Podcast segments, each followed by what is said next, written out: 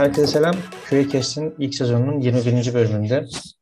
Bugün üçüncü kez e, Hüseyin abi, Hüseyin Yurtsefer'i misafir ediyoruz. Artık Tren Berlin'de Head of Engineering bölümünde çalışıyor. Hüseyin abi hoş geldin. Hoş bulduk. Merhaba arkadaşlar. Nasılsın abi?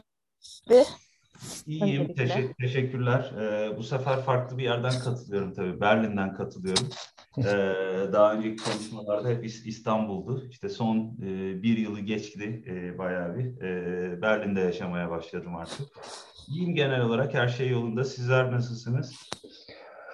Abi iyi bizim de. Senle tanıştım. Blue'daydın. Kariyere geçtin. Delivery Hero yaptın. Şimdi de Trendyol Berlin'e geçtin. Altından Aynen. hızlı, hızlı yükseliyorsun yani. son, son zamanlarda hızlı kararlar oldu birazcık. Hak, haklısın o konuda yani. Hani doğru doğru mu yanlış mı dersen karışık e, düşünceler var altında. Ama hani şey böyle ideal yeri bulmak, doğru yeri bulmak, e, en fazla etki yaratabileceğin yeri bulma hevesleri. Birazcık da kariyerinde bir şeyler öğrenebileceğin adımları atma hevesleri uğruna e, böyle yollar e, çıktı karşıma diyebilirim aslında. O zaman abi şuradan girelim. Şu an Trendyol'da neler yapıyorsun? Hangi ekipler e, senin kontrolün altında? Biraz bunlardan da bahsedelim istersen. Şöyle Trendyol'da aslında Trendyol Go dünyası aslında bu yemek ve market teslimatı dünyası. E, şu anda orası böyle apayrı bir dikey e, konumuna getirildi. Yani e, Trendyol'u bilenler bilir daha önce böyle daha fonksiyonel e, bir organizasyon yapısı vardı. İşte checkout ekibi, teslimat ekibi vesaire gibi belli fonksiyonlar için bölünmüş. Ama böyle business'la e, hizalanma konusunda da e, çok böyle bir e, yol e, kat edilmemişti aslında. E, birazcık benle birlikte ilk kez bu deneme e, başladı Trendyol içerisinde ve Trendyol Go'ya dedike bir e, tribe, bir dikey e, oluşturuldu.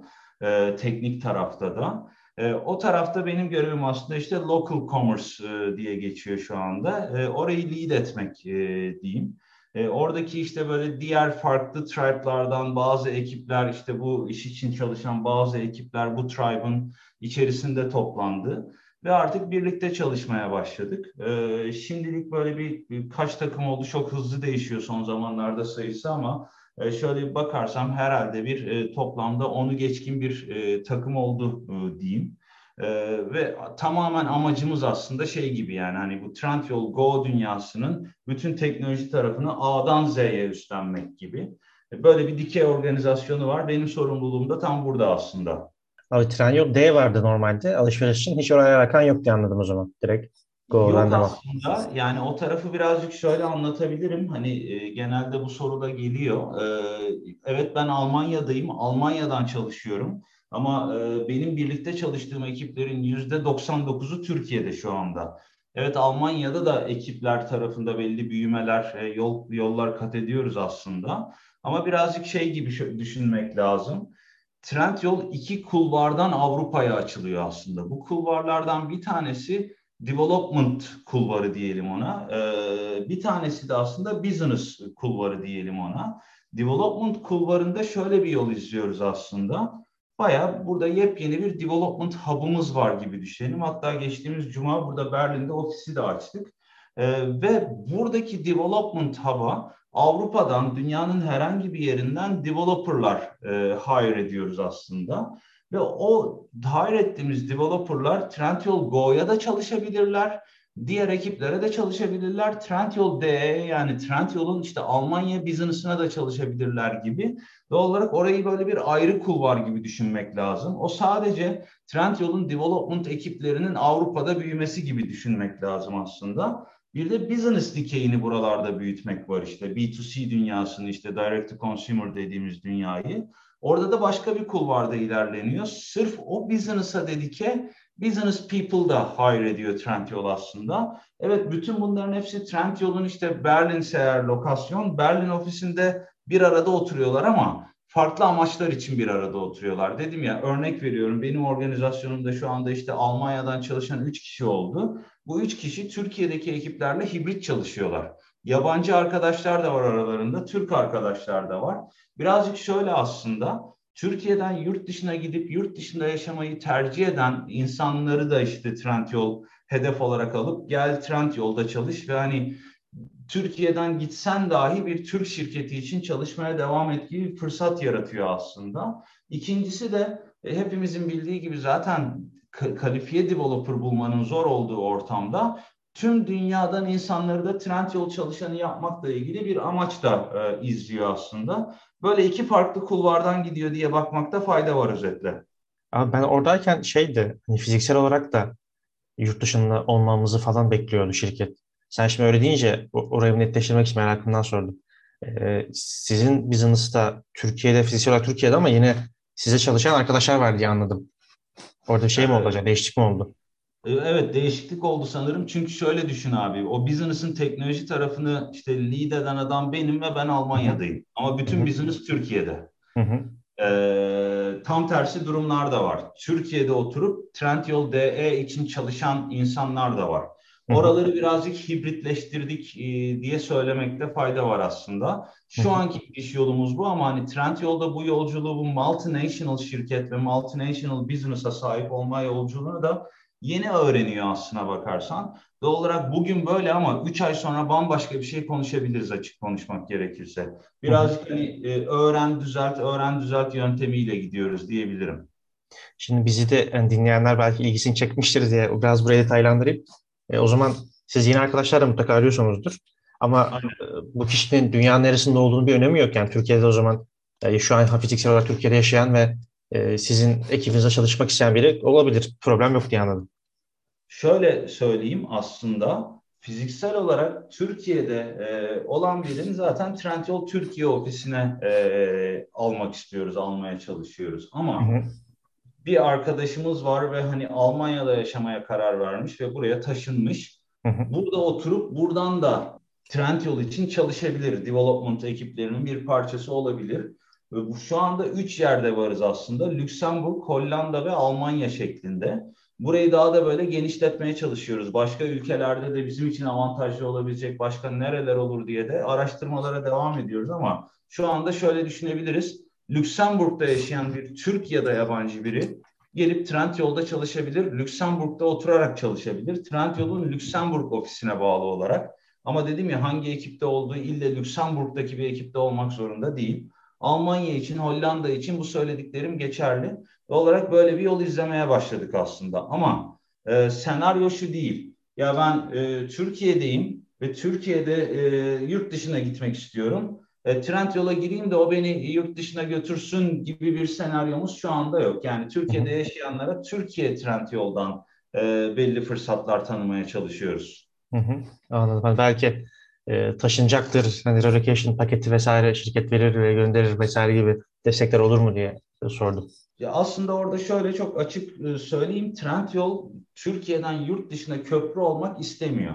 Bence de doğrusunu yapıyor bu arada yani. Ama hani Trendyol'da bir süre çalışıp belli bir performansın üzerinde bir performans sergileyen ve üzerine de işte İngilizcesi de yeterli seviyede olan insanları da şirketin içerisinden yurt dışına doğru transferini yapmakla ilgili aksiyonlar da alıyor.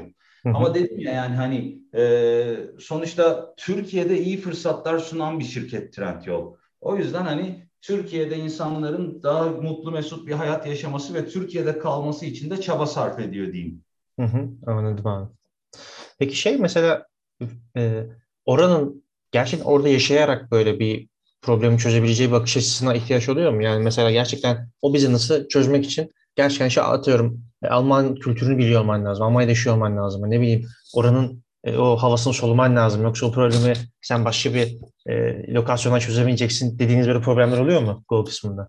Yani business ekipleri için bu söylediğin geçerli. Çünkü şöyle düşün, özellikle işte Trendyol'un moda dünyasına bakarsak, işte Mila dünyasına bakarsak, ya Almanya'da bambaşka işte özellikle farklı şehirlere baktığın zaman bambaşka bir moda anlayışı var. Türkiye'de bambaşka bir moda anlayışı var. Buradaki müşterinin beklentileri bambaşka, Türkiye'dekinin bambaşka gibi. Business için bu dediğin var. Gelip buradaki havayı solumak gerekiyor. Ama development dünyası için baktığın zaman development dünyası artık çok universal bana sorarsan. Doğal olarak dünyanın neresinde olursan ol bambaşka bir yerde iş yapabilirsin. Şöyle bir örnekle anlatmaya çalışayım aslında. Ben Delivery Hero'da e, çalışıyordum biliyorsunuz Trendyol'dan bir önce. Orada da Q-commerce e, dünyasına e, hizmet eden bir tribe'ı yönetiyordum aslında. Ama şöyle düşünün ben Almanya'da Berlin Headquarter'da çalışıyordum. Ama Berlin Headquarter'da çalışan ya da işte Almanya'da çalışan bir Q-commerce business'ı yoktu Delivery Hero'nun. Bizim geliştirdiğimiz bütün servisler tüm dünyaya yayılmış 46 ülkede e, kullanılıyor ama Almanya o 46 ülkenin içerisinde değildi. Ve düşün bütün bu servisleri geliştiren ekiplerin hepsi Berlin Headquarter'da çalışan, Almanya'da yaşayan insanlar.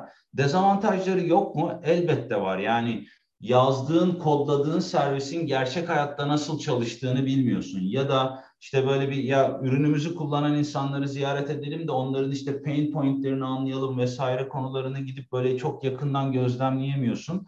Ama başarılı iş çıkarttık mı? Çok başarılı işler çıkarttık açık konuşmak gerekirse. Yazdığımız işlerin fiziksel dünyada karşılığını hiç görmeden. Yazılım birazcık böyle bir şeye dönüştü bence dünyada. Özellikle Covid'den sonra falan da daha da dönüştü. Ee, doğal olarak hani bir developer için böyle bir ihtiyaç olduğuna ben inanmıyorum. O yaşadığım tecrübeden de sonra açık konuşmak gerekirse. Peki abi biraz da böyle hani test kısmını merak ediyorum aslında.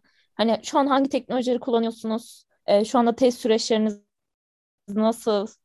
Biraz bununla ilgili de bir bilgi verebilir misin? Birazcık takımdan takıma değişiyor trend yolda bu. Ee, böyle acayip e, olgunluk seviyesi yüksek takımlar da var. O olgunluk seviyesine ulaşmaya çalışan takımlar da var. Ee, yani teknolojiler tarafında ne kullanıyoruz dersek çok çeşitli aslına bakarsan. Sinan benden daha iyi biliyordur bence. Benden daha eski trend yoldu çünkü. Ama hani e, çok çeşitli e, teknolojiler var. Yani robot framework kullanan ekipler de var. İşte Java, Cucumber, Selenium kullanan ekipler de var. E, tamamen JavaScript temelli yapılar kullanan ekipler de var. Otomasyon dünyası için söylüyorum.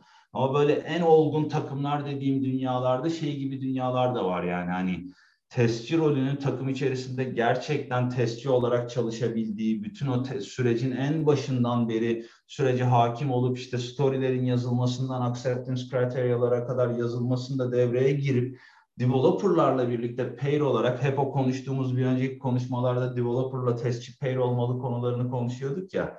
Developerlarla birlikte pair olarak o acceptance testleri otomatize edip bunu da aslında sürecin bir parçası yani developer'ı arkadan kovalayan testçi değil de sürecin içerisinde yan yana yürüyen e, dünyaları başarmış olan ve bunları da böyle gururla anlatan çok iyi takımlar da var içeride.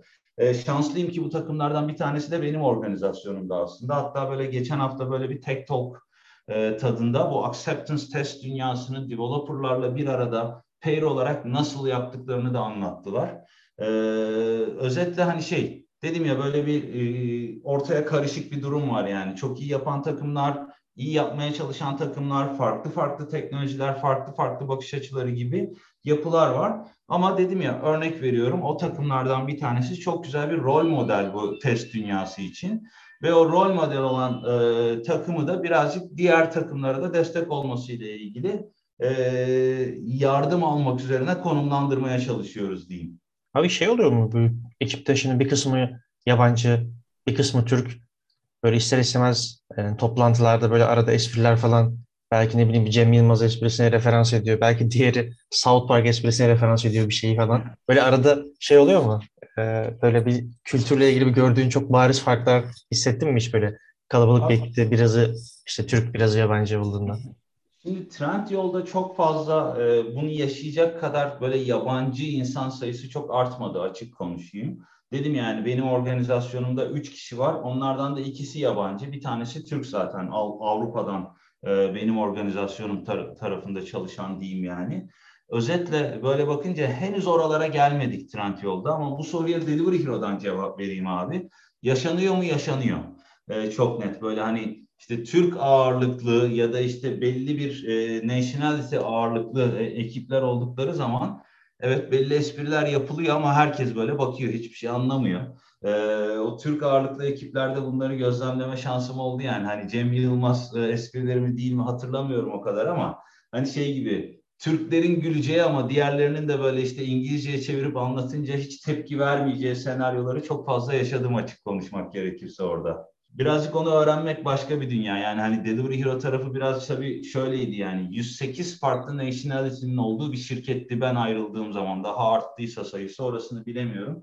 Dünyanın her yerinden insanın olduğu bir ortam düşün. Doğal olarak yani hani o aşırı samimiyet, işte aşırı böyle şey e, kültürel e, tarafıyla böyle ilişki kuran insanlar olmaktan biraz uzaklaşılan dünyalar oluyordu ister istemez. Şu an abi ekiplerinde hangi e, nationality'lerden var? Kaç farklı? E, Valla şu anda işte benim organizasyonumda iki tane e, yabancı var dediğim gibi. Bir tanesi Hintli, e, bir tanesi de e, hatırlamıyorum desem Hat, hatırlamıyorum yani şey e, ikisi de Almanya'da yaşıyor ama ikisi de Alman değil örneğin öyle söyleyeyim. Abi bir de şeyi ben merak ediyorum. Bu mesela sen e, CTO görevindeydin. Yani mesela ben hiç şey görmüyorum. Birinin şirketin CTO ihtiyacı olduğunda bununla ilgili mesela bir ilan falan görmüyorum. Böyle bir CTO değişikliği nasıl oluyor şirketler arasında? Böyle hani kulaktan kulağa mı, senin network'ünden mi? Yani sana nasıl ulaşıyorlar? Ee, hani öyle bir durumda sonuçta sen bir ilana girip bir başvuruyorsun. Ben burayı yönetebileceğimi düşünüyorum diye. Hani o o iş nasıl dönüyor? Biraz onu merak ediyorum. Abi o iş Türkiye'de ve Avrupa'da farklı dönüyor. Bir oradan bir cevap vermeye çalışayım. Önce bir Türkiye'yi anlatayım. Türkiye'de bu iş aslında böyle bir ilan çıkarak dönmüyor abi. Yani CTO arandığı zaman ya da işte böyle hani yüksek bir e, rol arandığı zaman genelde bu iş ya böyle profesyonel headhunting firmalarına veriliyor ve headhunting firmaları sana ulaşıyor. Ya da gerçekten böyle hani çok nadir oldu benim için bu arada. Böyle bir tanıdık ya işte bu işi Hüseyin halleder falan filan konuları gibi işler devreye giriyor. E, Türkiye'deki yolu böyle yani. Türkiye'de o yüzden bir CTO ilanı görmüyorsun kolay kolay abi açık konuşmak gerekirse. Çünkü hiç kimse ben CTO arıyorum demiyor. Hep bu işi böyle arka kapılar arkasında yönetiyor diyeyim aslında. E, kötü müdür, iyi midir? Çok bir yorumum olmayan bir konu. Ama Avrupa'da abi konu tam tersi. Avrupa'da irili ufaklı birçok şirkette CTO ilanı görebiliyorsun abi. Startuplarda daha sık görüyorsun, daha büyük şirketlerde daha az görüyorsun. Yine daha büyük şirketler gidip bunu headhunter firmalarıyla halletmeye çalışıyorlar aslına bakarsan. Ama bir şekilde görüyorsun. Orada genelde benim gördüğüm abi bu CTO bulma dünyası şöyle çalışıyor aslında. Ee, birileri böyle bir ihtiyaç olduğu zaman ya bir saniye ben birazcık böyle sourcing yapayım. Ee, ya bu adam iyi ya evet bu adamın yaptığı işler falan bize uyar. Hadi ben bu adama bir ulaşmaya çalışayım diyerek yürütülen bir süreç var aslında. Genelde öyle oluyor abi. Bu arada şeyi de söyleyebilirim yani hani bu söylediğin şey de hani göz korkutucu bir şey. Çünkü hani insan ister istemez şeyi düşünüyor yani hani bir iş yerinde çalıştığın zaman ya acaba işte ne gibi fırsatlar var önümde işte ne bileyim 3 yıl sonra bu şirketten çıkmaya çalışsam ne olacak falan dediğin dünyalara kafa yor, yoruyorsun ister istemez ve kafa yorduğun zaman da bakıyorsun ve hani hiçbir şey görmüyorsun. Karanlık bir dünya görüyorsun ya. Bu böyle bir gelecek kaygısı ya da işte başka problemlerde yanında getiriyor açık konuşmak gerekirse. Peki abi bir de aslında e, şu tarafından da girmek istiyorum. Hani e, uzun dönem seninle e, çalışma fırsatı yakalamış, bu şansa nail olmuş insanlardan biri olarak e, Türkiye'deki bu e, atıyorum developerları yöneten, işte e, IT yöneten, yani bir yöneticilik e, e, sıfatı olan e, insanları nasıl değerlendiriyorsun? Bunu yurt dışıyla kıyasladığında farkları neler? Yani çok böyle geniş kapsamlı bir soru açıkçası ama hani şöyle yorum yapabilirim. Ee, birazcık kişiye ve şirkete, şirket kültürüne ve hani şirketin ne beklediğine, birazcık da o şirketin içerisindeki kişilere e, bağlı diyebilirim aslında. Yani e, konuya şuradan yaklaşayım aslında. Ee, birkaç yerde böyle hani e, farklılık, bariz farklılıklar olduğunu söyleyebilirim. Özellikle Avrupa'daki şirketlerle Türk şirketlerini kıyaslarsam Amerika'yı bunun içine, içine katmıyorum. Ee, orada böyle bir tecrübem de yok. Katmamalıyım da zaten. Ee, Avrupa'daki şirketlerle Türkiye'deki şirketleri kıyaslarsam böyle hani ortalamaları alıp böyle bir datasına falan baksan en ağırlıklı göreceğin fark şu olur. Avrupalı şirketlerde daha ziyade işte bu top down dediğimiz yukarıdan biri bir şey ister ve herkes onu yapar dünyası var ve beklentisi var diyeyim. Ee, böyle şey gibi hani e, işte ona mikro management mı dersin, başka bir şey mi dersin? Bir sürü farklı farklı adı var ama hani ben bunu istiyorum, bu yapılsın liderliği var Avrupa'da daha çok aslına bakarsan.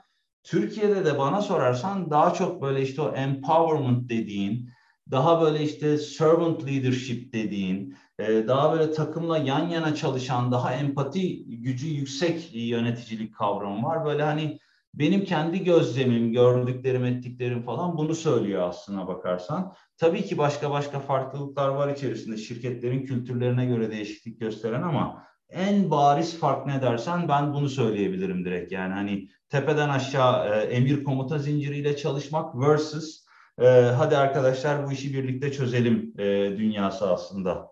Bilmiyorum tanıdık geldi mi size bunlar? Evet geldi geldi.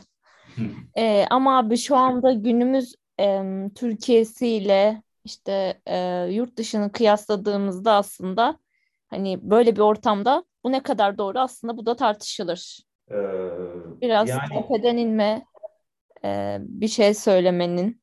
bu yanlış.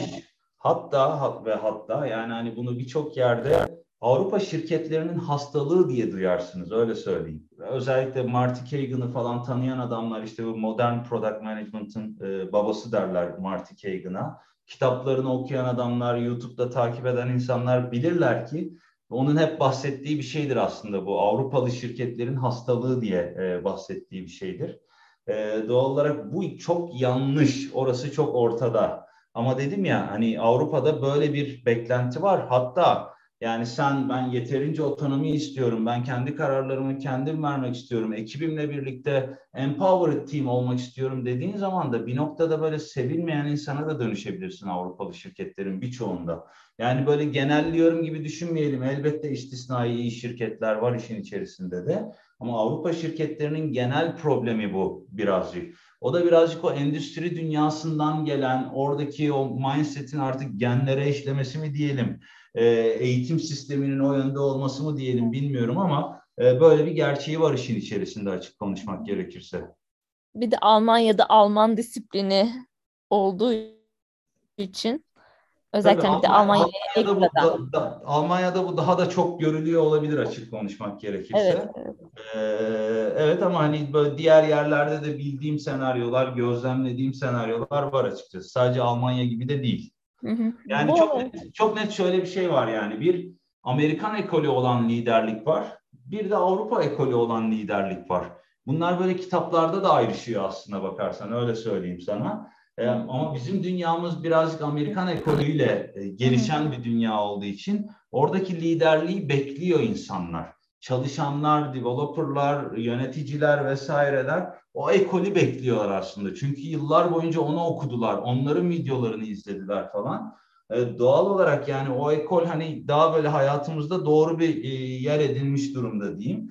Diğer ekolden gelen liderler böyle hani çok çok da bu sektörde ne kadar doğru işler yapıyorlar konusu tartışılır bence. Elbette kendini geliştiren tonlarca insan var. Ee, böyle olmayan tonlarca insanlar var ama hani dediğim gibi yani ben böyle birazcık şey e, kendi gözlemlerimden e, kıyaslama yapıp söylemeye çalışıyorum. Bir daha bir şey soracağım. Bu Alman disiplini buna e, nasıl alışabildin mi öncelikle? Zaten hani, böyle çok disiplinli bir insansın biliyorum ama hani böyle ekstra bir disiplinleri var.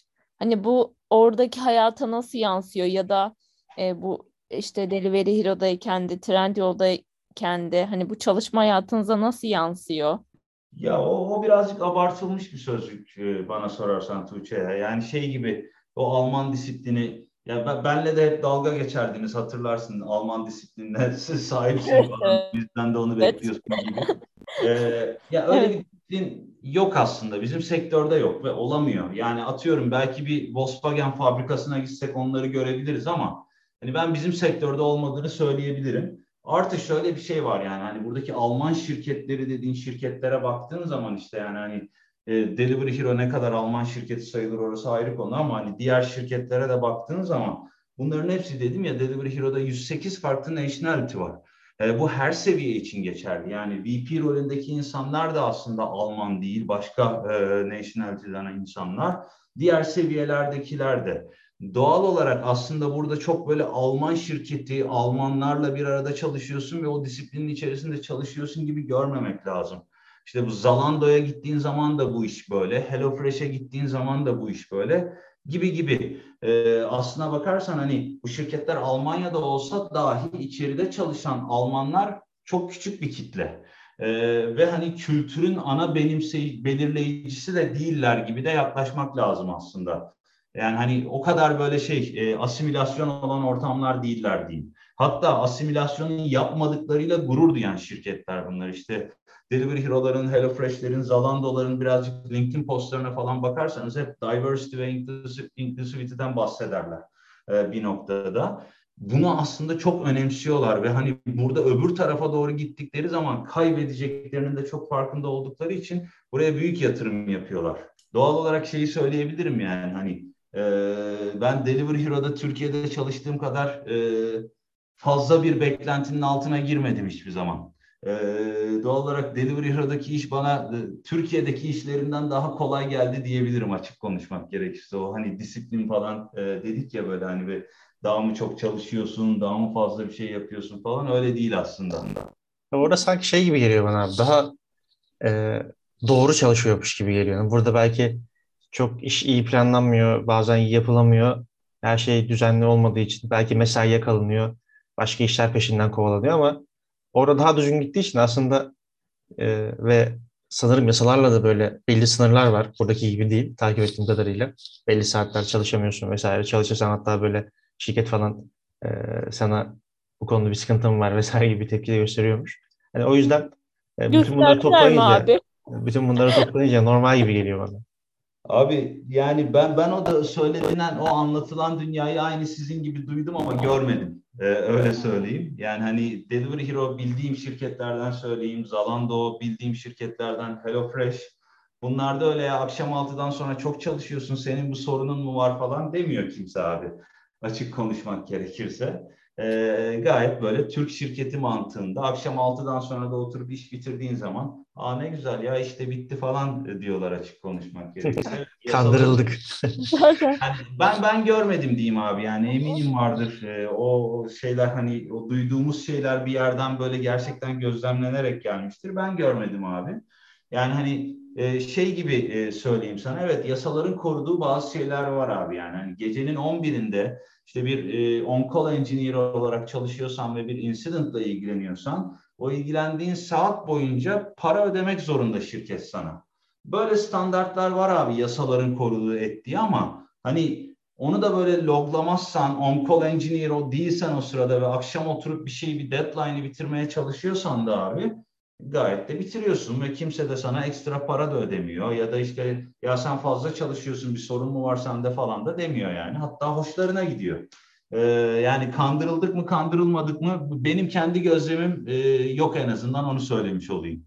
Ya Türkiye'de onu düşünemedim şu an abi. Zaten hani senin bir sorunun mu var 6'dan sonra hani çalışan herhangi bir pozisyonda birine bu soru zaten sorulmaz. Ama zaten kişinin kendi tercihidir. E, evet, evet yani kişinin kendi tercihidir biraz. Bir tek hani şeyleri gördüm yani şu feedbackleri aldım yani şimdi böyle düşündükçe aklıma geliyor. Tatildeyken de böyle bir iki toplantıya katılmışlığım olmuştu Delivery Hero'da. Yöneticim mesela bana şey demişti yani hani tatilde e, toplantıya niye katılıyorsun? Katılmamalısın e, demişti. Ama hani böyle e, o toplantıda çözülen problemin çözüldüğü için de mutlu olmuştu bir yandan diyeyim yani. Karışık tabii ki şaşırmadım abi. Evet bizim, evet. Bizim sektör bozuk bu konularda arkadaşlar bence. olabilir olabilir. Abi peki şey geçtin şimdi tren yolundasın. Orada böyle gördüğün yani diğer böyle firmalarda görmediğin gerçekten ciddi bir challenge oldu mu senin için? Yoksa Neresi, yani neresi için abi kaçırdım soruyu tekrar edelim. Şey için hani daha önce çalışan şirketlerle bir nazaran e, karşılaştırdığında şimdi tren yolda e, işte Berlin operasyonundasın ve işte Go kısmı geliştiriyoruz dedin. E, orada böyle böyle değişik bir challenge oldu mu senin için? Ya işte bu alanda gerçekten kendimi zorlamak durumunda kaldığım vesaire gibi yoksa zaten diğer bildiğin, daha önce tecrübe ettiğin şeylerin benzerleri üstünden mi devam ettin? Yani challenge'lar var açık konuşayım. Yani e, ne gibi challenge'lar var onları söyleyeyim. Yani Trendyol hani böyle olumlu yanlarını ve olumsuz yanlarını böyle bir söylemeye çalışayım aslında. Olumlu yanlarından baktığım zaman Trendyol'da hani böyle insan kalitesi e, tanımı belki kötü bir tanım olsa ama hani başka nasıl tarif ederim bilemedim şu anda. İnsan kalitesi çok yüksek bir şirket. Çok zeki insanların, çok başarılı insanların toplandığı bir şirket aslında.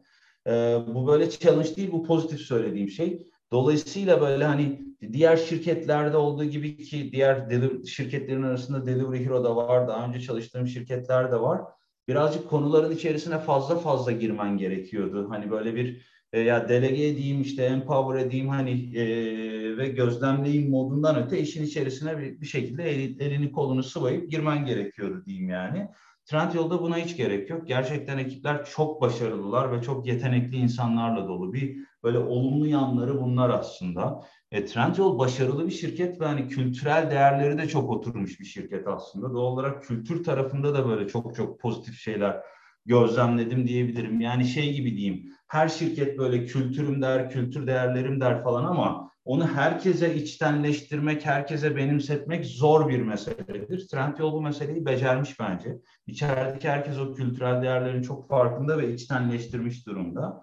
Böyle hani iyileştirilmesi gereken alan nedir? Hani böyle challenge ne yaşadın falan diye e, sorarsan aslında yani böyle artılarıyla eksileriyle söyleyeyim. Çok yetenekli product e, manager insanlar var Trendyol'da. Gerçekten işlerini çok iyi bilen, gerçekten hani böyle A'dan Z'ye hakim olan hatta teknoloji tarafına da hakim olan. E, benim yaşadığım challenge birazcık şey gibi oldu yani. Hani product manager'lar konuyu o kadar üstlenmiş ki teknoloji tarafındaki bir lidere çok iş düşmüyor gibi bir yere gelmiş. Ee, birazcık da tabii o eski functional organization dünyasının getirdiği bir, bir sıkıntı olduğunu da düşünüyorum bunun birazcık. Çünkü eskiden şey gibiymiş yani Trendyol Go dünyasından örnek vereyim. Bir business'ı var, bir product owner'ı var product'ın başında ee, ve o business'a ve o product dünyasına hizmet eden 4-5 farklı tribe var doğal olarak aslında teknoloji ekiplerini işin içine çekememişlik gibi bir durum var bence. Ama şimdi bu değişti ve tamamen o business'a align olmuş bir teknoloji ekibi var. Ama eski alışkanlıkların değişmesi, gerçekten işte o empowered team dünyasının konuya dahil olması, developerların da business'a kafa yorması ve oradaki metrikleri biz nasıl iyileştiririz, biz nasıl katkı sağlarız dünyasının devreye girmesi konuları ya da ya bana ne iş yapacağımı değil de bana problemi getire ben o probleme daha fazla kafa yorayım ve hep birlikte o problemi sahiplenelim dünyaları. Birazcık buralar böyle o eski organizasyon yapısından dolayı bana sorarsanız zayıf kalmış ve hani böyle kendime challenge olarak gördüğüm şeyler aslında ya bir saniye bu böyle olmamalı. Ben de buradaki kararların içerisinde olmalıyım. Benim ekiplerim de bu kararların içerisinde olmalı. Hatta yani biz burada böyle çözümleri neyi ne zaman yapacağımızı işte bu delivery team, feature team kafasından çıkıp empowered team konseptine dönmeliyiz e, falan filan diye başladığımız yolculuklar. E, buraları böyle challenge olarak söyleyebilirim ama bir yandan da şeyi söyleyeyim yani Trendyol acayip değişime açık bir şirket yani onu da söyleyebilirim. Ve bunları böyle konuştukça herkes bunları sahiplenip ya evet ya burada buralarda da evet eksik yaptığımız şeyler var. İşte o growth mindset kafası diyeyim genel olarak. Hadi bunun üzerine gidelim, hadi bunu çözelim diyen insanlarla bir arada çalışıyorsunuz. Dedim ya challenge olarak bunları görüyorum ama çok hızlı çözüleceğini de görüyorum bir yandan açık konuşmak gerekirse. E, o yüzden hani bir bunları söyleyebilirim böyle hani e, bulunduğum ortamdaki challenge'lar anlamında. Bilmiyorum Sinan senin gözlemin nasıldı orada? Ben de sana sormuş olayım eski trend yolu. Abi aslında şey yani dediğin şeylere katılıyorum. Yani bir kere böyle biraz da bir iki adım geriden alırsam yani her çalışan şeyi hissediyor zaten. Çalışanın kalitesini daha yükseltmek için birilerinin kafa patlattığını biliyor mesela hani. Hiç böyle o kültür konusunda kafası rahat, birileri gerçekten daha iyi nasıl çalışır, çalışanlar nasıl daha nasıl mutlu olabilir? Hepsini böyle düşünen ekipler var. Hani o yüzden bunu hissediyor her çalışan. E, doğal olarak bunu hissettiği zaman e, dediğim gibi yetenekli insanlar etrafında olduğunda e, çalışma ortamı ister istemez insanların tabii ki e, hoşuna giden bir platform haline dönüyor. E, şey kısmında da bence haklısın. E, aslında ben şöyle düşünüyorum. Böyle ekip her ekibin için işte product owner'ları var, e, işte manager'ları var, belki analistleri var, işte QA var, developer'ı var sanki böyle o kadar böyle roller birbirine yakın böyle sürtünmeli ki hatta kimi zaman böyle birbirinin sınırlarını böyle biraz geçmeli.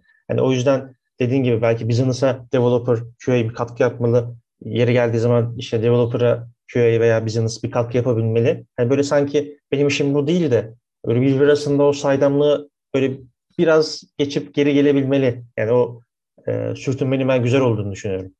E, ve Tranyol'da da bu, bu vardı yani. E, ve çok o an Berlin kısmı bilmiyorum ama Türkiye'de çalışma ekiplerde bunu da hissediyordum. Aynen, aynen.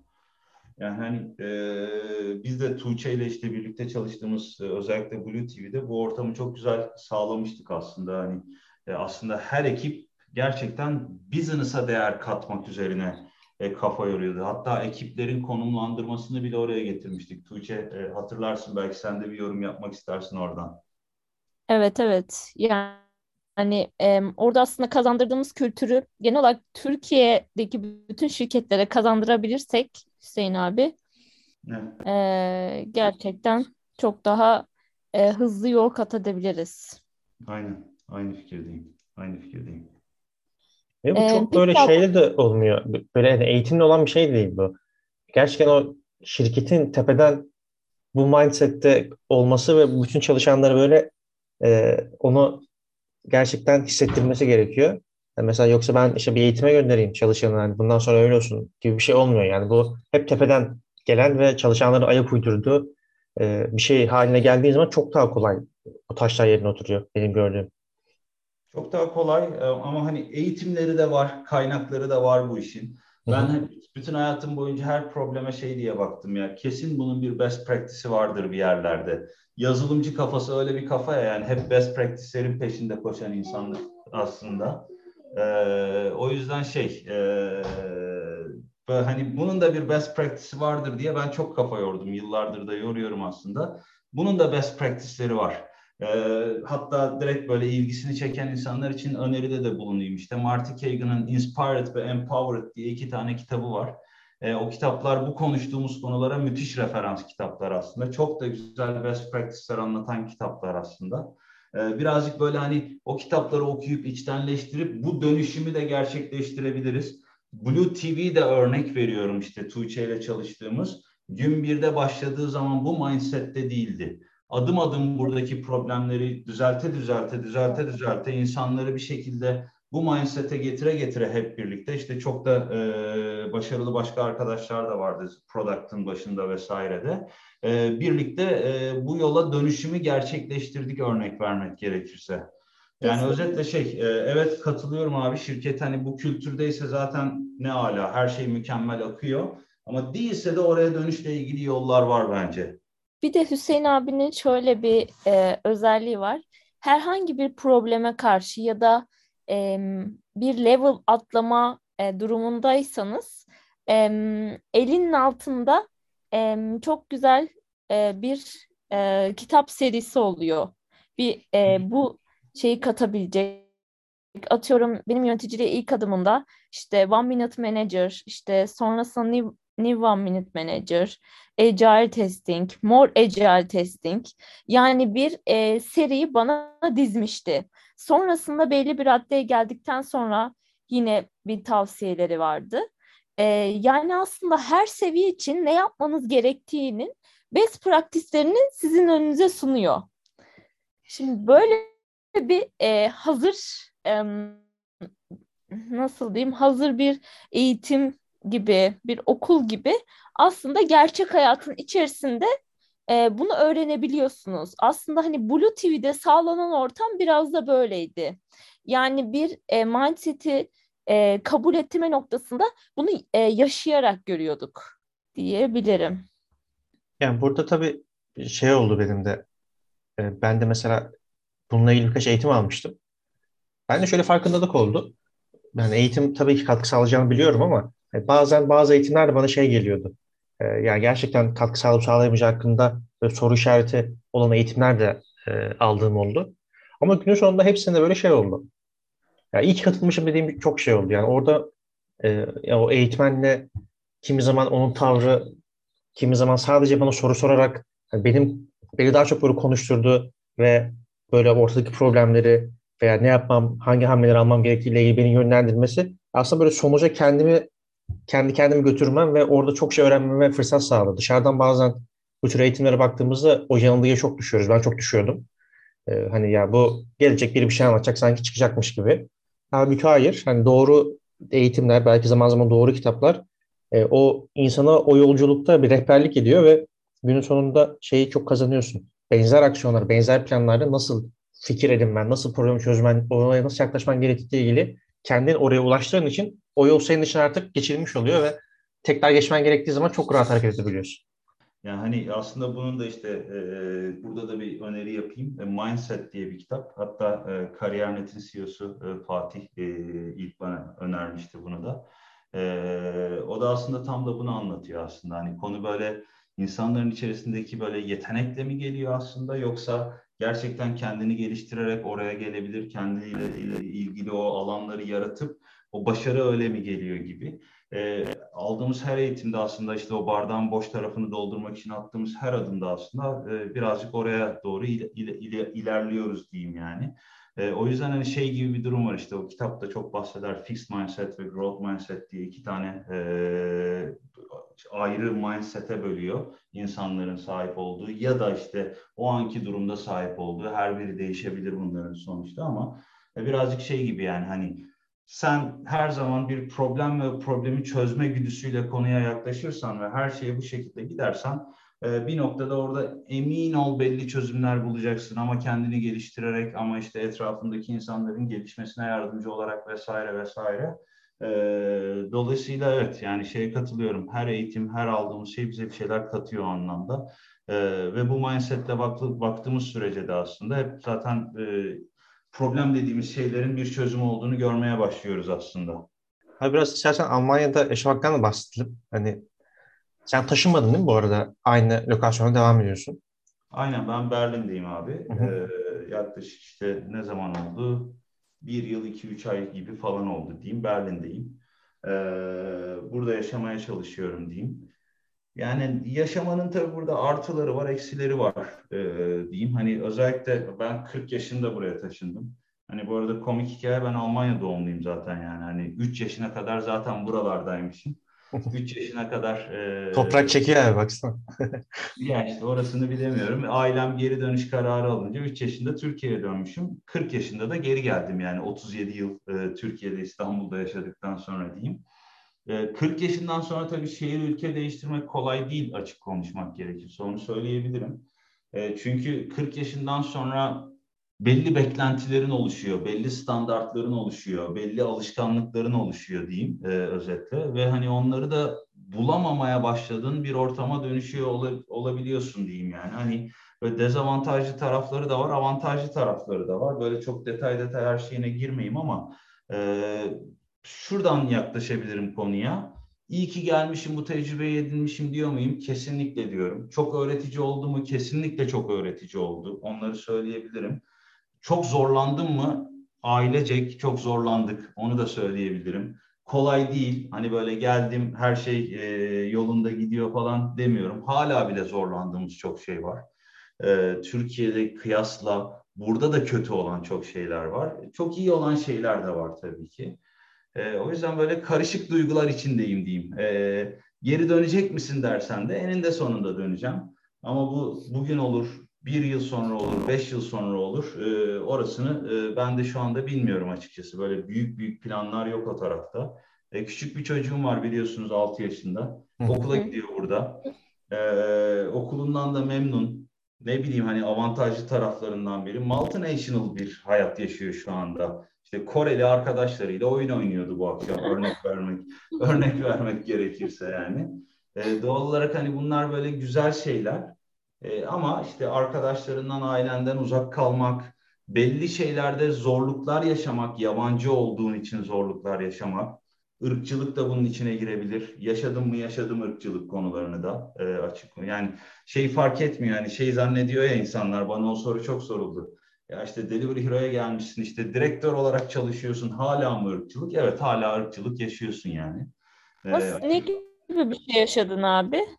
Anlatmayayım çirkin e, taraflarını işin. E, bence girmeyeyim işin o taraflarına ama yani bariz yapılan şeyler oluyor yani. Hani böyle hissettirilmekten bahsetmiyorum. Ev Direkt... vermeme gibi mi? Aha. Bir, o öyle şeyler değil. Dediğim gibi girmeyin hani çirkin Ha, anladım, hikayeler, şey yapmayalım. anladım, Yani tamam. Bu konuşmayı o Hı. çirkin hikayelerle bağlamayalım yani. Ee, Tamam. Ama yaşanıyor mu? Yaşanıyor. Sorun yaşıyor musun? Yaşıyorsun. Sokakta da yaşıyorsun. Bir işini halletmeye çalıştığın zaman da yaşıyorsun vesaire vesaire. Yani hani e, karışık. Ee, bu sorunun cevabı böyle ayrı bir bir saat alır bana sorarsanız. Ya bu zaten şey e, yani bekarsa insan çok rahat hareket ediyor her anlamda. Ama evli özellikle çocuk varsa e, tabii dediğin gibi yani hem eşim ne yapacak orada çalışabilecek mi? Ne bileyim ki çocuğum var okula başlayacak dil problemi vesaire bir sürü soru işareti oluyor insanın hakkında. Bu bile zaman zaman yurt dışına gidişi öteleme veya e, engellemeye kadar sürebiliyor yani. Bu o yüzden dediğin gibi bir kolay bir cesaret işi değil yani. Gerçekten bir e, elini taşın altına sokmuşsun. Ailecek oturup karar vermişsiniz. E, ve böyle bir sürece girmişsiniz. O yüzden bence her bu pozisyonda olan kişi için kutlanası bir şey yani. Tebrik edilisi bir şey. Ama Almanya'da da yaşadığınız için abi hani gününün yarısı Türkçe yarısı İngilizce geçiyor olabilir. Ee, yani evet hani sokaktaki hayatı İngilizceyle yaşıyorsun özellikle Berlin'de öyle söyleyeyim. Yani tabii Trendyol'a geçtiğimden beri artık böyle günümün yarısı İngilizce değil e, tamam Türkçe gibi demek e, daha doğru olur aslına bakarsan ama işte bu işte yabancı arkadaşların sayısının artmasıyla da orası da değişecek. Yani Trendyol'un hedefi bu yılın sonunda işte şirketin ana dilini İngilizceye çevirmek. Ve Hmm. oraya doğru da çok hızlı yol alıyor. Şu anda şirketteki herkes işte harıl harıl İngilizce dersleri alıyorlar vesaire. Ee, hatta daily'lerini İngilizce yapmaya başlamış, toplantılarını İngilizce yapmaya başlamış ekipler var içeride. Ee, dolayısıyla orası da böyle büyük bir değişimin içinde diyeyim. Peki abi Trendyol'da em, kısa ve uzun vadeli hedefleri nelerdir? Şu anda neleri yapmayı amaçlıyorsunuz? Yani e, böyle şirket genelinden şimdi benim Trendyol'da iki tane rolüm var e, gibi bakmak lazım. Bir tanesi işte bu Trendyol Go dünyasının işte teknik liderliği diyelim ona aslında. E, bir diğeri de şey diyelim aslında. İşte ihtiyar heyeti e, diyoruz Trendyol'da biz aslında tribe, tribe liderlerinin e, olduğu bir grup gibi. Bir de orada roller var aslında. Ve büyük bir dönüşüm içindeyiz aslında hep birlikte. Yani hani daha böyle multinational şirket olmak, artık Trendyol'un size'ı da sırf development ekiplerine bakınca 1300'ü geçti e, en son rakamlar yani. E, böyle bakınca işte o size'ı yönetmek bambaşka bir mesele. İşte örneklerden bir tanesi daha fazla asenkron ve işte daha fazla e, karar alma aşamalarının sözlüden yazılıya dönmesiyle ilgili hamleler yapmaya çalışıyoruz. Artık kararlarımızı RFC'ler yazarak, yazarak alalım. İşte teknik kararları ADR'lar yazarak, yazarak e, yürütelim vesaire gibi dönüşümler yapmaya çalışıyoruz. İşte organizasyonu buna göre konumlandırmaya çalışıyoruz da işte bahsettiğim gibi vertical yapılarını daha fazla enjekte etmeye çalışıyoruz Trendyol'da. İşte yurt dışı ekipleriyle nasıl çalışacağız, buradaki problemlere odaklanmaya çalışıyoruz gibi.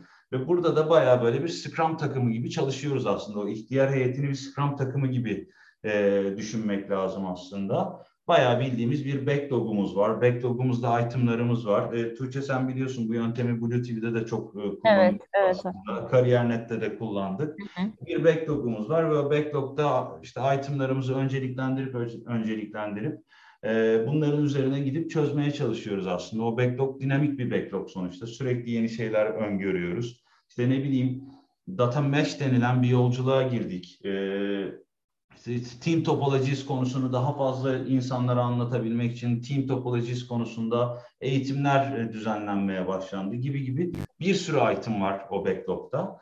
E, bir de tabii benim diğer e, rolüm de işte local commerce dediğimiz işte bu Trendyol Go dünyasındaki rolüm. Orada da başka bir Scrum takımı var aslında. Oradaki ekip liderleri ve benim olduğum, orada da bir backlogumuz var. Orada da çözmeye çalıştığımız tonlarca problem var aslında. Problem derken kötü anlaşılmasın. Oradaki problem şey yani hani iyileştirme alanları e, diye yola çıkmak lazım. Örneğin artık böyle global e, bir şirket olma yoluna gittiğimiz için nöbetçi sistemleri, akşam bir problem olduğunda bir şeyler nasıl çözülecek, bunların işte postmortemleri nasıl yazılacak, tüm bunları otomatize eden yapılar inşa etmeye çalışıyoruz. On-call engineering konseptlerini dünya standartlarına getirmeye çalışıyoruz gibi gibi tonla iş var, öyle söyleyeyim.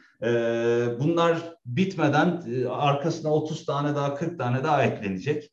Yani hani şu anda backlog'umuza baktığımız zaman mesela işte ihtiyar heyetinin backlog'unda herhalde 40 tane item vardır diyeyim yani. Local commerce backlog'unda herhalde 50 tane item vardır ve bunlar her gün değişiyor, sayısı artıyor, azalıyor şeklinde ilerleniyor aslında. Abi kim bulduysa ihtiyar heyeti güzel bulmuş ya. Çok hoşuma gitti. Ben de kim bulmuş bilmiyorum. Benim de hoşuma gitti ama güzelmiş yani. Ama İngilizceleştirmemiz gerekiyor. Orayı nasıl yaparız bakacağız orasına. Şimdi seni dinleyenler şöyle düşünebilir. Ya arkadaş insanlar nelerle uğraşıyor? Biz hala e, işte burada CRUD e, uygulamalar yapıyoruz falan diye böyle düşünebilir. Ama hani bir günde oraya geçmiyor yani sonuçta sistemlerde. Aynen. E, O, o da hepimiz için bir yolculuk. Aynen. Aynen. Abi teşekkür ederiz. Bizim Ben çok teşekkür ederim. çok da vaktini almak istemiyoruz. Saat farkı da var biraz. Ya benim için saat erken. Saat sizin Evet, için evet. sorun Aynen. sanırım şu anda. Ee, çok teşekkürler. Ee, umarım başka bir konuşmada yine bir araya geliriz. Evet Bugün evet. Bu da diğer konuları birazcık masaya yatırır onları konuşuruz.